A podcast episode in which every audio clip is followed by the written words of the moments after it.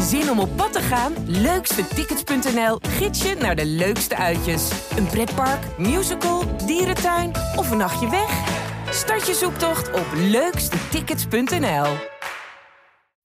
Dit is een aanslag op onze rechtsstaat. Wiersum was de advocaat van Nabil B., kroongetuige in het liquidatieproces rondom topcrimineel Ridwan Taghi. Elke moord is heel erg, maar als deze moord te maken heeft met de verklaringen die zijn afgelegd door de kroongetuigen, is het nog erger. Voor het eerst heeft een verdachte in het Marengo-proces een verklaring afgelegd over Ridouan Taghi. En hoe zit het eigenlijk met de veiligheid van het personeel van de EBI, waar Taghi uh, vastzit? In deze aflevering van de Taghi-podcast ga ik het erover hebben met misdaadverslaggevers Paul Vugts en Wouter Wallaumans. Welkom jongens. Um, de rechtszaak gaat weer verder natuurlijk, het proces. En nu uh, schreven jullie al in het parool... er is voor het eerst een verklaring afgelegd over Taghi. Kan je er wat over vertellen, Paul? Uh, ja, dat kan. Het is de eerste reguliere verdachte, moeten we zeggen. Want de kroongetuige is ook een verdachte. En die heeft natuurlijk volop verklaringen afgelegd tegen Taghi.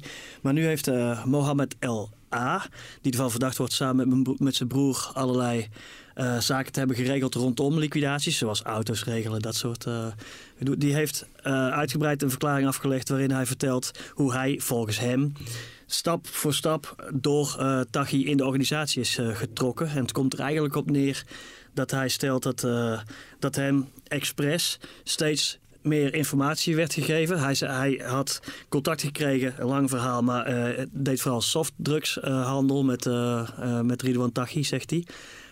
maar ineens begon hij ook andere dingen tegen te vertellen, zoals details over zaken die met levensdelicten van doen hebben. En daarvan dacht hij, wow, nu, dan kom je er langzaam diep in. ja, weet het zijn dingen waarvan je eigenlijk wil zeggen: ik wil het niet weten, toch? Want dat is volgens mij uh, kenmerkend voor uh, grote organisaties: van hoe minder je weet, hoe beter. Klopt. En als je dan uiteindelijk zegt hij: ja, geen niet meer dingen uh, vertellen. En uiteindelijk vroeg hij: weet je niet iemand die ik zou kunnen chaufferen voor een bepaalde um, liquidatie, liquidatieplan, waar we het zo meteen nog even over gaan hebben? En nou ja, en dat, dat speelde en ineens zegt hij, komt er een wapen, komt er een auto, staat het voor mijn deur zeg maar. Allemaal dingen die ik niet verwacht en word ik geacht een liquidatie uit te voeren.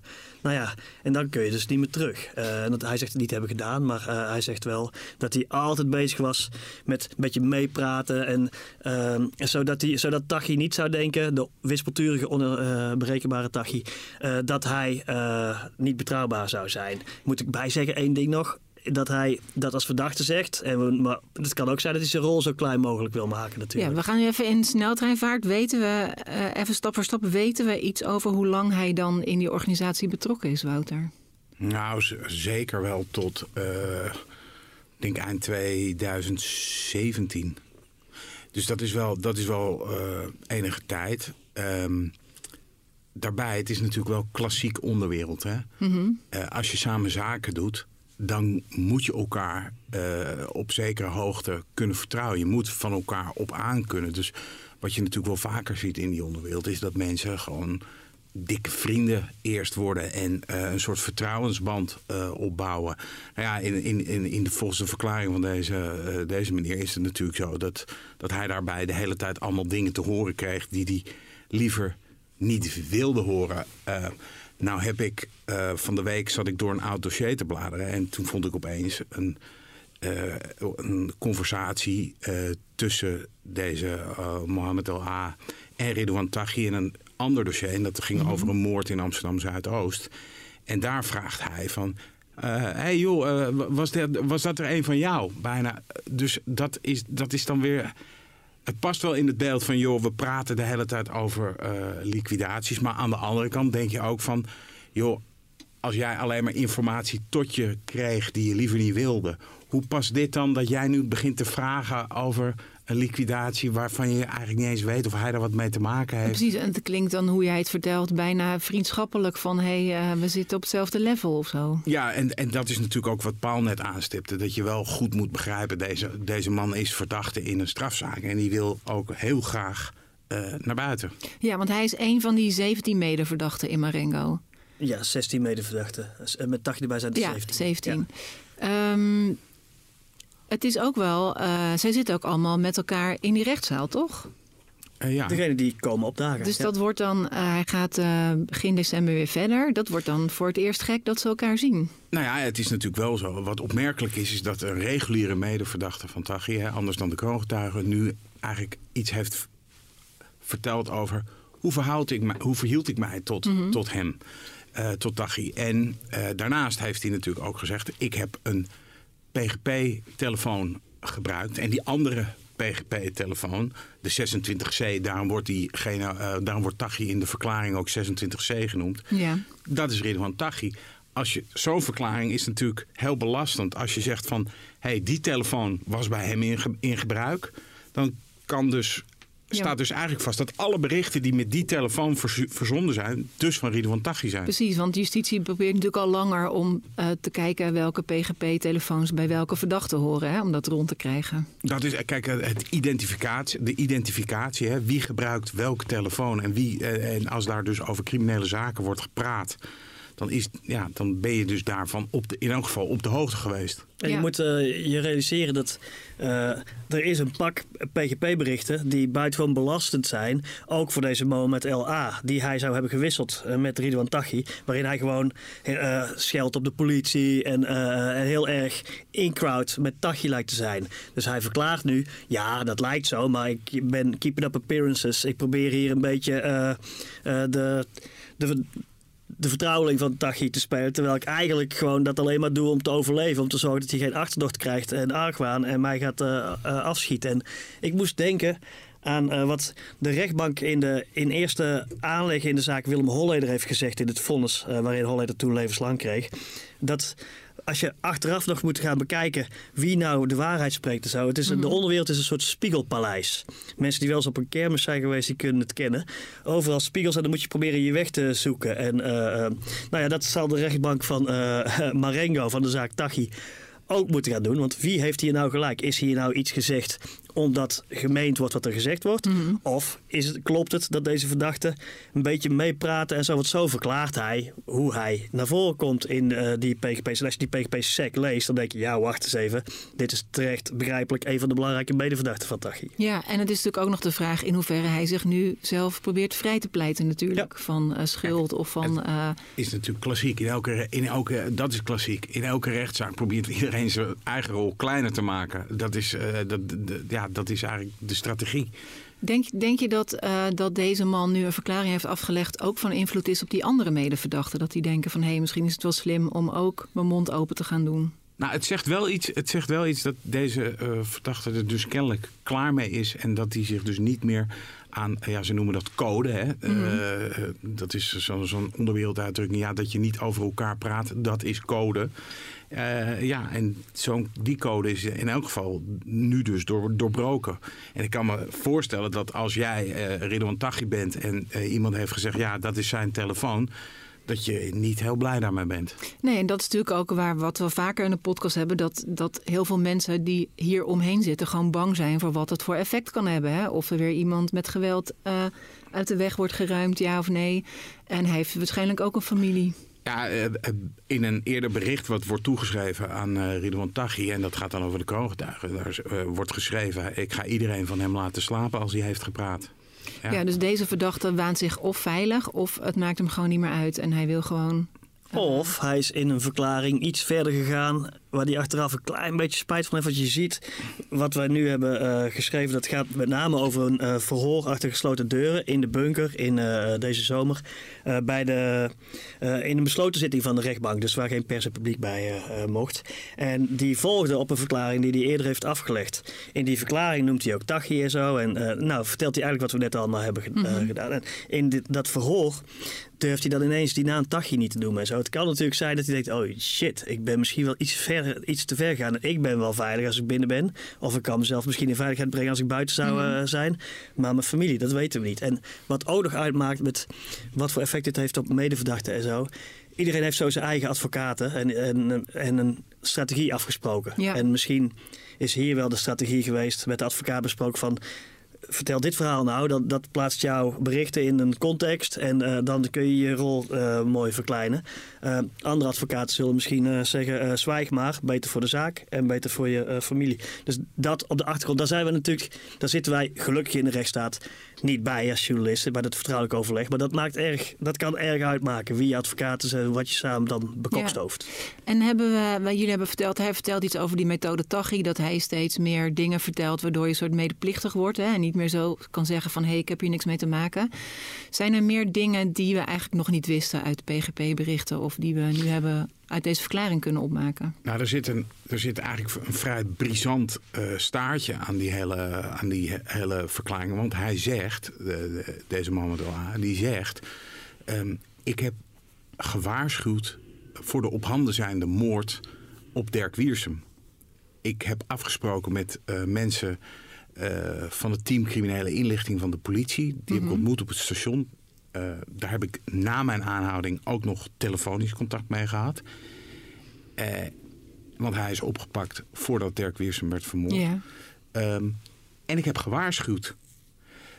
Nou, vervolgens ontspint zich in een, een soort discussie van... ja, is dat wel waar? Uh, klopt, klopt die bewering?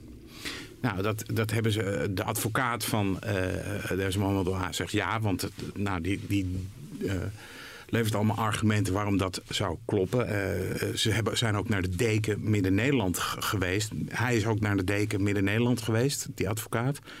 Maar die ontkent het vervolgens. Dus er is een soort. Daar zit heel erg veel licht tussen die bewering van. joh, ik heb voorafgaand aan uh, de moord op Dirk Wiersum gewaarschuwd. Ja, je vraagt en dat is eigenlijk af... heel moeilijk te borgen, die informatie. Ja. ja. Aan de andere kant hebben we ook wel rondgevraagd. En, uh, toen, want dit is wel een uh, belangrijk element. En uh, ik heb inmiddels wel redenen gevonden om aan te nemen dat het heel goed wel waar kan zijn. En, omdat hij nog meer heeft verteld namelijk. En dat gaat later nog wel een rol spelen in het, in het uh, proces, denken we. Alleen is dat is nu nog een beetje geheimzinnig en misschien wat vroeger om in de podcast te bespreken. Maar we hebben toch ook eerder wel eens verteld dat de naam. Ze hebben toen achteraf toch alle PGP-berichten ook doorzocht op de naam van Wiersum. Dat die ook wel eens nou, boven is gekomen. Voornamelijk is er iets anders gebeurd. En dat is een beetje in dezelfde periode als waar deze verdachte over spreekt. Als hij zegt: Ik heb gewaarschuwd. Um, uh, en er speelt, er speelt nog iets anders op de achtergrond. Maar uh, er is ook op een moment zijn er twee uh, Amsterdamse criminelen uh, bezig geweest, aantoonbaar uh, nu. Uh, om van tevoren in februari 2019 al, om op social media en zo te zoeken op Dirk Wiersum en de andere advocaat die toen de tijd mm-hmm. de, kroon, de kroongetuige bijstond. En dat is ook pas na de moord op Dirk Wiersum bekend geworden. Het, kijk, het, het probleem is dat er natuurlijk een enorme bulk aan uh, informatie aan PGP-berichten ligt. Allerlei zoekgeschiedenissen uh, van gewone uh, reguliere iPhones en andere smartphones. En in die enorme massa zoek je natuurlijk, als er normaal gesproken op jouw zaak, of op mm-hmm. aanwijzing voor jouw zaak, wordt nu uh, Dirk Wiersum vermoord, dan ga je ineens ook op die manier zoeken. Precies, die was eerst nog niet in beeld. Daar heb je helemaal niet op gezocht, ja. snap je? En uh, ja, uh, daar kun je achteraf van zeggen, jemig, dat is wel heftig. Dat het, wat was het toen bekend geworden, dan was misschien Dirk adequater uh, beveiligd. Maar ja, dat is ook hoe het soms werkt met uh, rechercheonderzoeken. Want deze verdachten waren in andere, heel andere onderzoeken verdacht. Ook een liquidatie in Amsterdam Zuidoost. En uh, dus dat team, dat rechercheteam dat die liquidatie onderzocht, zocht allemaal relevante zaken, steekwoorden, over die zaak en niet over Dirk Wiersum. Maar nog even over dat hij misschien uh, gewaarschuwd zou hebben voor Wiersum. Dat is dan dus nergens in zijn berichten terug te vinden. Het is alleen iets mondelings wat hij gezegd zou hebben. Nou, kijk, normaal, het team. normaal gesproken, kijk, als dat team criminele inlichtingendienst, dat is eigenlijk de geheime dienst van de politie en die vangen in dat milieu, spreken die met in het criminele milieu, spreken die met allemaal mensen en die mensen die vertellen wat en sommige van die gesprekken worden geverbaliseerd. Dan wordt er een anoniem procesverbaal uh, opgemaakt. Mm-hmm. En daarin staat van nou, Pietje uh, die staat op een dodenlijst. Of uh, Jantje die houdt zich bezig met grote drukzaken. Ja. Um, die informatie mag overigens niet gebruikt worden als bewijs. Dat is wel belangrijk. Het is, het is meer, als dat een zij het zelf in richt... kaart brengen. Ja, een soort richting. Uh, een soort, het is een soort sturing. Het mag wel gebruikt worden als start bijvoorbeeld van een onderzoek. Maar niet als bewijs. Dat is in dit geval niet gebeurd. Er is dus niet een procesverbaal terug te vinden waarin staat... Dirk Wiersum uh, uh, wordt vermoord omdat hij de broer van de kroongetuige bijstaat. Ja. Dat vertelt een tipgever ons of zoiets. Dat, dat is niet terug te vinden. En dat zou dus wel een soort bewijs zijn van joh, dat dat gesprek inderdaad heeft plaatsgevonden op een zeker moment. Ja, en dat er misschien niet adequaat op gehandeld is. Ja, nou ja en je hebt ook nog de ruis op de achtergrond. Juist met TCI is dat het geheimzinnig. Het is niet voor niks mhm. een soort geheime dienst van de recherche.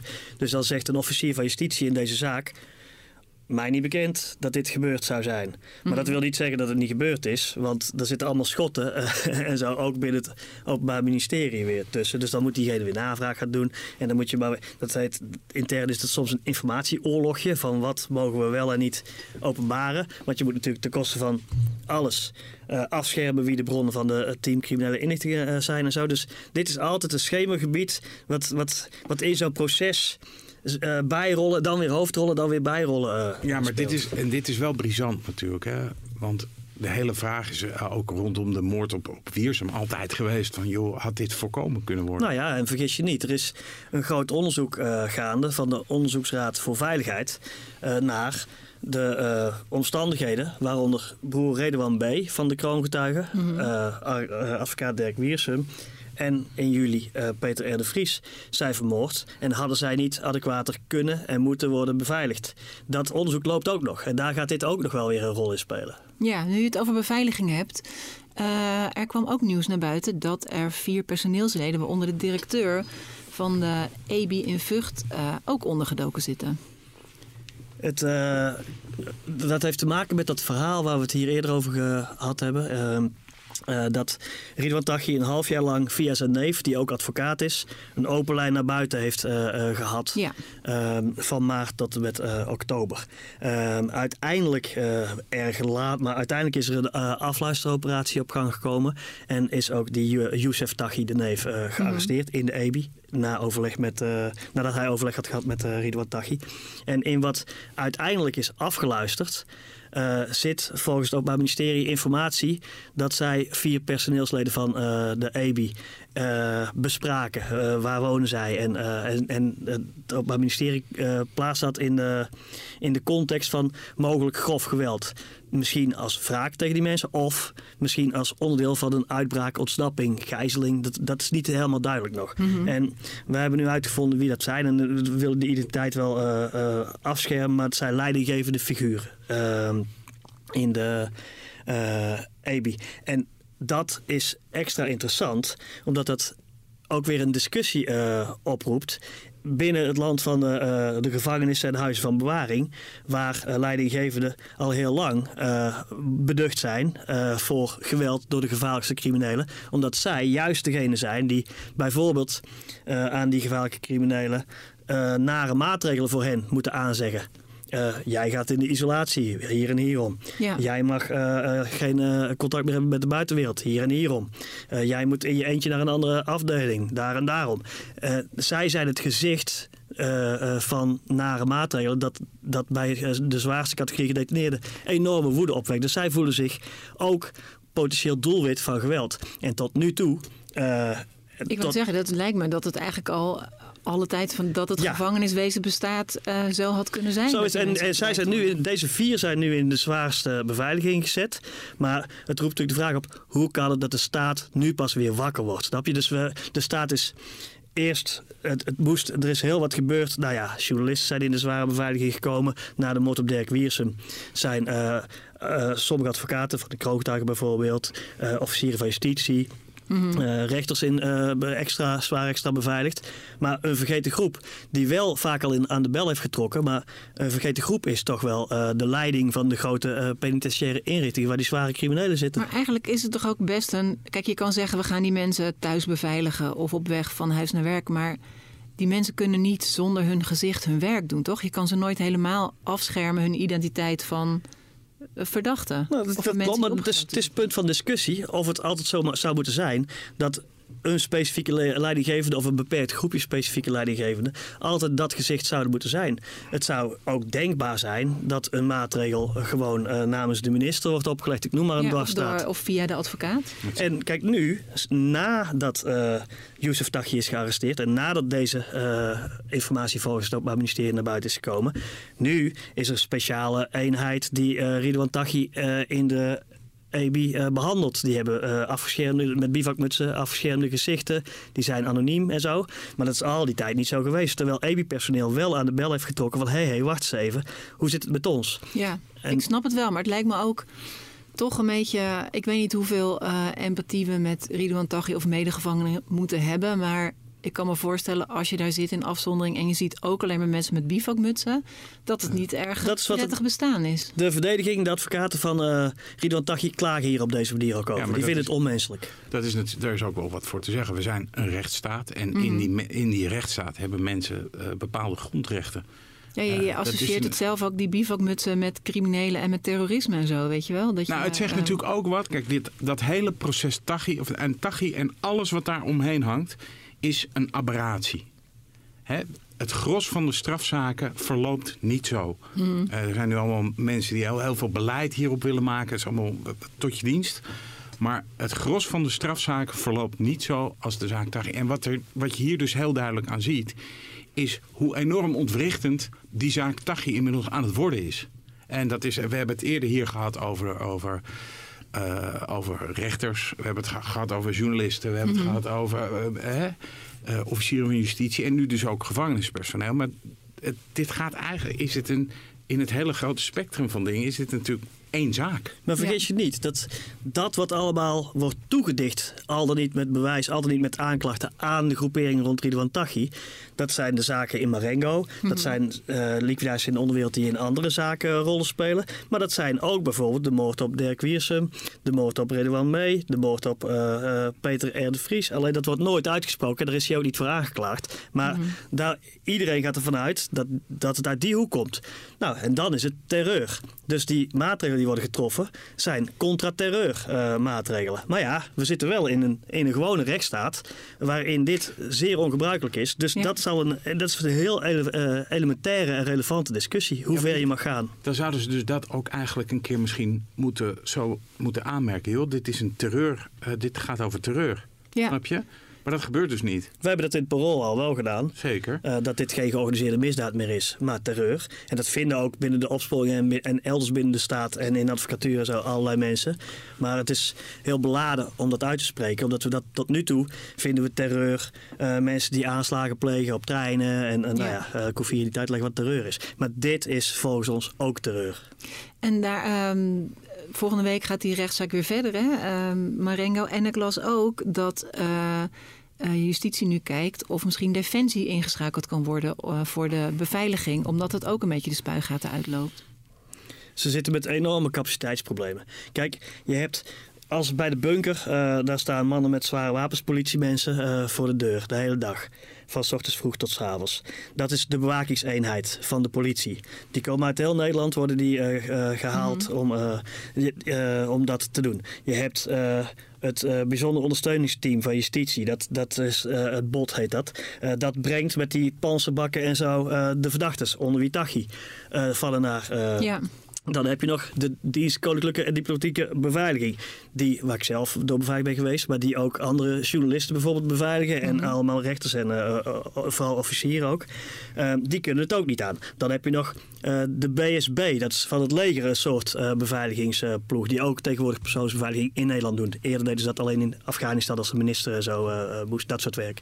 Ehm, al die organisaties staan onder enorme druk. Die kunnen het gewoon niet aan, simpel. Mhm. Dus is daarom misschien de hulp van Defensie ingeroepen. En ik snap wel dat het klinkt als wow, is het zo heftig dat het leger moet worden ingezet. Maar vergis je niet, uh, de DKDB, de BSB en uh, die, die, dat zijn net zo goed getrainde gasten als ja, het, lijkt mij, maar dan zeg ik vast iets heel fout. Het lijkt mij heel fijn, want volgens, ik heb altijd het idee dat onze leger niet zo heel veel doet. Dus het lijkt me dat ze prima tijd hebben om... Uh, ik krijg vast nu boze brieven, maar het lijkt me dat ze prima tijd hebben om deze klussen bij te doen. Ik, ik, ben, ik ben niet heel erg op de hoogte van hoe druk het leger het heeft. Ik wil dat, weet wel dat de politie en de beveiligingsdienst het heel druk hebben. Dus, ja, precies. Ja, wij kunnen dat echt uh, zelf zien, hoe, uh, hoe heftig het was. En die tijd dat ik zelf in de beveiliging heb geleefd, ja, merkte je het aan alles. Toevallig kwam ik deze week een paar van die gasten tegen, omdat ik met iemand was die in de beveiliging zit. En zijn ploeg werd ververst halverwege de dag. Ik denk, wauw, dat was lang niet. Dus hebben jullie het minder druk? Vroeg ik aan die jongens. En ze zeiden, nou, nee, dit is echt geluk. Dus dat je, als je om zes uur s ochtends bent begonnen, dat je zo halverwege de middag wordt afgelost en zo. Dat is Ja, zeg uitzonderlijk. maar een soort normale werkdag. Een, ja, eh, wat andere mensen normaal vinden. En dat is uitzonderlijk. Ik heb meegemaakt dat mensen om zes uur s ochtends waren begonnen en om eh, na middernacht eh, pas weer ophielden met mij te beveiligen. Eh, nou ja, die doen dat zonder mokken. Eh, maar je ziet ondertussen die overuren tellen natuurlijk wel eh, eh, ja, in het rood sli- slingeren. Ja. Ehm, wat staat er eh, de komende zittingen op de agenda in Marengo? Waarschijnlijk die eh, verklaring van die verdachte die jullie, waar jullie het net over hadden. Die komt aan bod. En eh, de, de zaak Ranko Skekic, Kreta heet die zaak. Kan je die nog even samenvatten? Ja, Ranko Skekic werd eh, gerekend tot het, eh, eh, het kamp waarmee eh Tachi ruzie had, zeg maar, een groot conflict.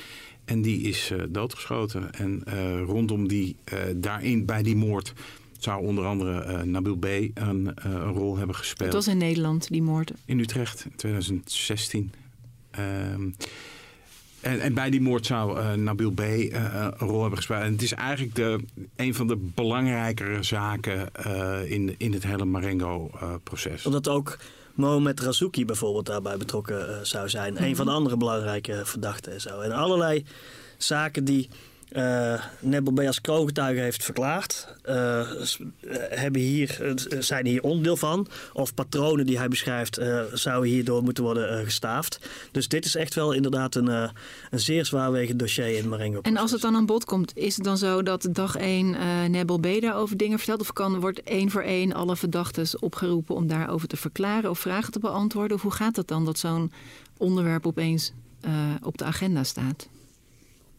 Ik, ja, ze nemen eerst gewoon eh, de, de feiten en omstandigheden eh, door. Gewoon het dossier wordt Ja, en doorgenomen. iedereen moet daar weer zijn. Al die 17 mensen over wie we het. Nee, nee, maar kijk, de rechtbank wil dat Ridwan Taghi er is.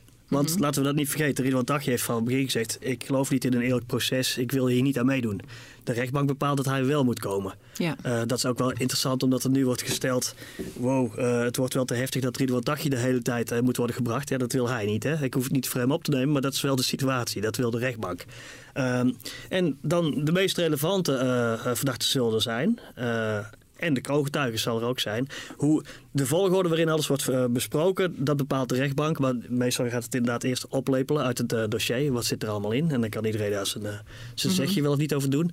Maar dit is wel zo'n soort proces waarvan je niet weet van als we op uur U eh, beginnen en zo, waar beginnen we precies mee? Gaat er misschien een advocaat uit zijn pan? Eh, gaat er een verdachte van alles, eh, allerlei zijpaden in? Is de kroongetuige weer ergens mee bezig? Het heeft nu weer een tijdje stilgelegen. Dus dat eh, zorgt ervoor dat je nooit precies weet eh, dat als om tien uur dit gebeurt, dat om elf uur dat Ja. gebeurt. Nee, zo zit het Ja. niet Daarom keek ik jou net ook een beetje Ja, je vragen. dacht, wat vraag je in nee, nee, helemaal niet. Maar ik keek je een beetje vragen aan, omdat ik dacht, ja, eigenlijk weet ik dat niet helemaal precies hoe dat, eh, hoe, eh, hoe, eh, hoe dat loopt. Dat Kijk, als is- het nu Je gaat gewoon zitten en je Nee, ziet je, het je gaat die Oh zaken in en het, dat is eigenlijk elke keer in dat, in dat Marengo-proces. Je gaat die zaken in en je denkt op, op een dag dat je denkt, joh, eh, ik weet eigenlijk helemaal niet, eh, dit zal wel helemaal niks aan zijn, is het ineens vuurwerk. En op een dag dat je denkt, nou, dit wordt een hele spannende dag, is er opeens niks aan en dan wordt er aan de lopende band geschorst. En je kan er bij, er, is, er valt heel moeilijk een pijl op te trekken, vind Voor ik. de behandeling van deze dossiers over de, de Kreta heet die zaak, de moord op eh, Ranko Skek- Skekic, zijn nu drie dagen uitgetrokken. Mhm. Nou ja, eh, het kunnen er ook vijf zijn. Eh, dat zullen we allemaal weten. Oh, misschien zijn we in anderhalve dag wel klaar. Is het eh, bam, bam, bam, bam. Dit zijn de eh, Ja, stukken uit het zwijgrecht dossier. En niemand wil er Ja. wat over zeggen. En dan gaan we weer door. Oké. Eh, wat ik me ook nog afvroeg, dat is iets wat natuurlijk heel erg ehm, over rechtszaken gaat en hoe dat werkt. Die eh, verdachte die nu dus in een besloten verklaring heeft verklaard over de methode Tachi. Ehm, is dat een soort definitieve verklaring of kan hij daar nog van terugkomen? Of moet hij het dan nog in de rechtszaal verklaren voordat het geldig is? Hoe gaat dat? Nou, dit is wel een redelijk definitieve verklaring. Goed dit heb je gewoon bij de rechter verteld. Dus eh, het is, en een verklaring intrekken, Nee, ja, dat, ik zie opeens zo voor me dat hij dan in die, in die rechtszaal zit. Oh, dat heb ik niet eh, gezegd. 26C Tegen jullie. zit bij hem, eh, tegenover hem. En hij moet het alsnog zeggen of zo. Nou ja, hij heeft soort- natuurlijk al. Hij heeft eerst zijn verklaring gedaan. Toen is hij daar achter, eh, achter gesloten deuren door de rechtbank over bevraagd in een Mhm. eh, zitting. Toen heeft hij al een beetje meer schroom getoond door bijvoorbeeld eh, niet meer Tachi te willen zeggen, maar 26C. Maar veel verder terug dan dit kan hij natuurlijk niet. Kan hij niet, nee. Ehm, parallel uh, volgende week, maandag, gaat ook uh, de rechtszaak over de moord op Peter R. de Vries verder. Ja, ja. Het is, daar is het dossier, het einddossier al gereed.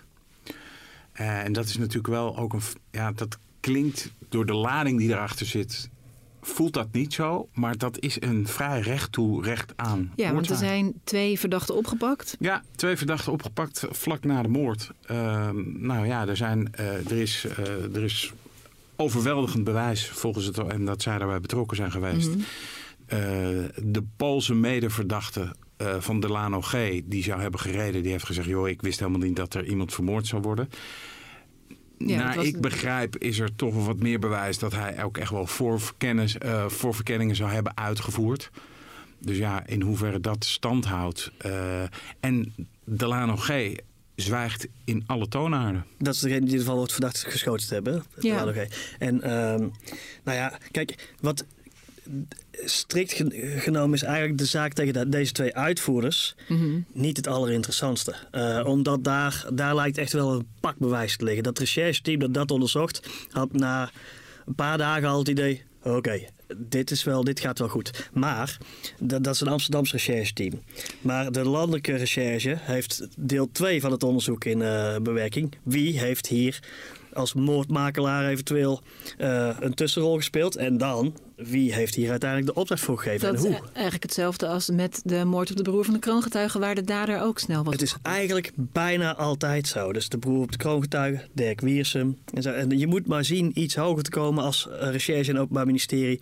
En dat is buitengewoon ingewikkeld. Dus die uitvoerders... Het is keihard werk hoor, voor de uh, recherche. Uh, mm-hmm. Maar dat, dat lukt wel, omdat daar ook concrete sporen zijn. Die zijn bepaalde plekken geweest, die hebben, uh, die hebben gereden. En, nou ja.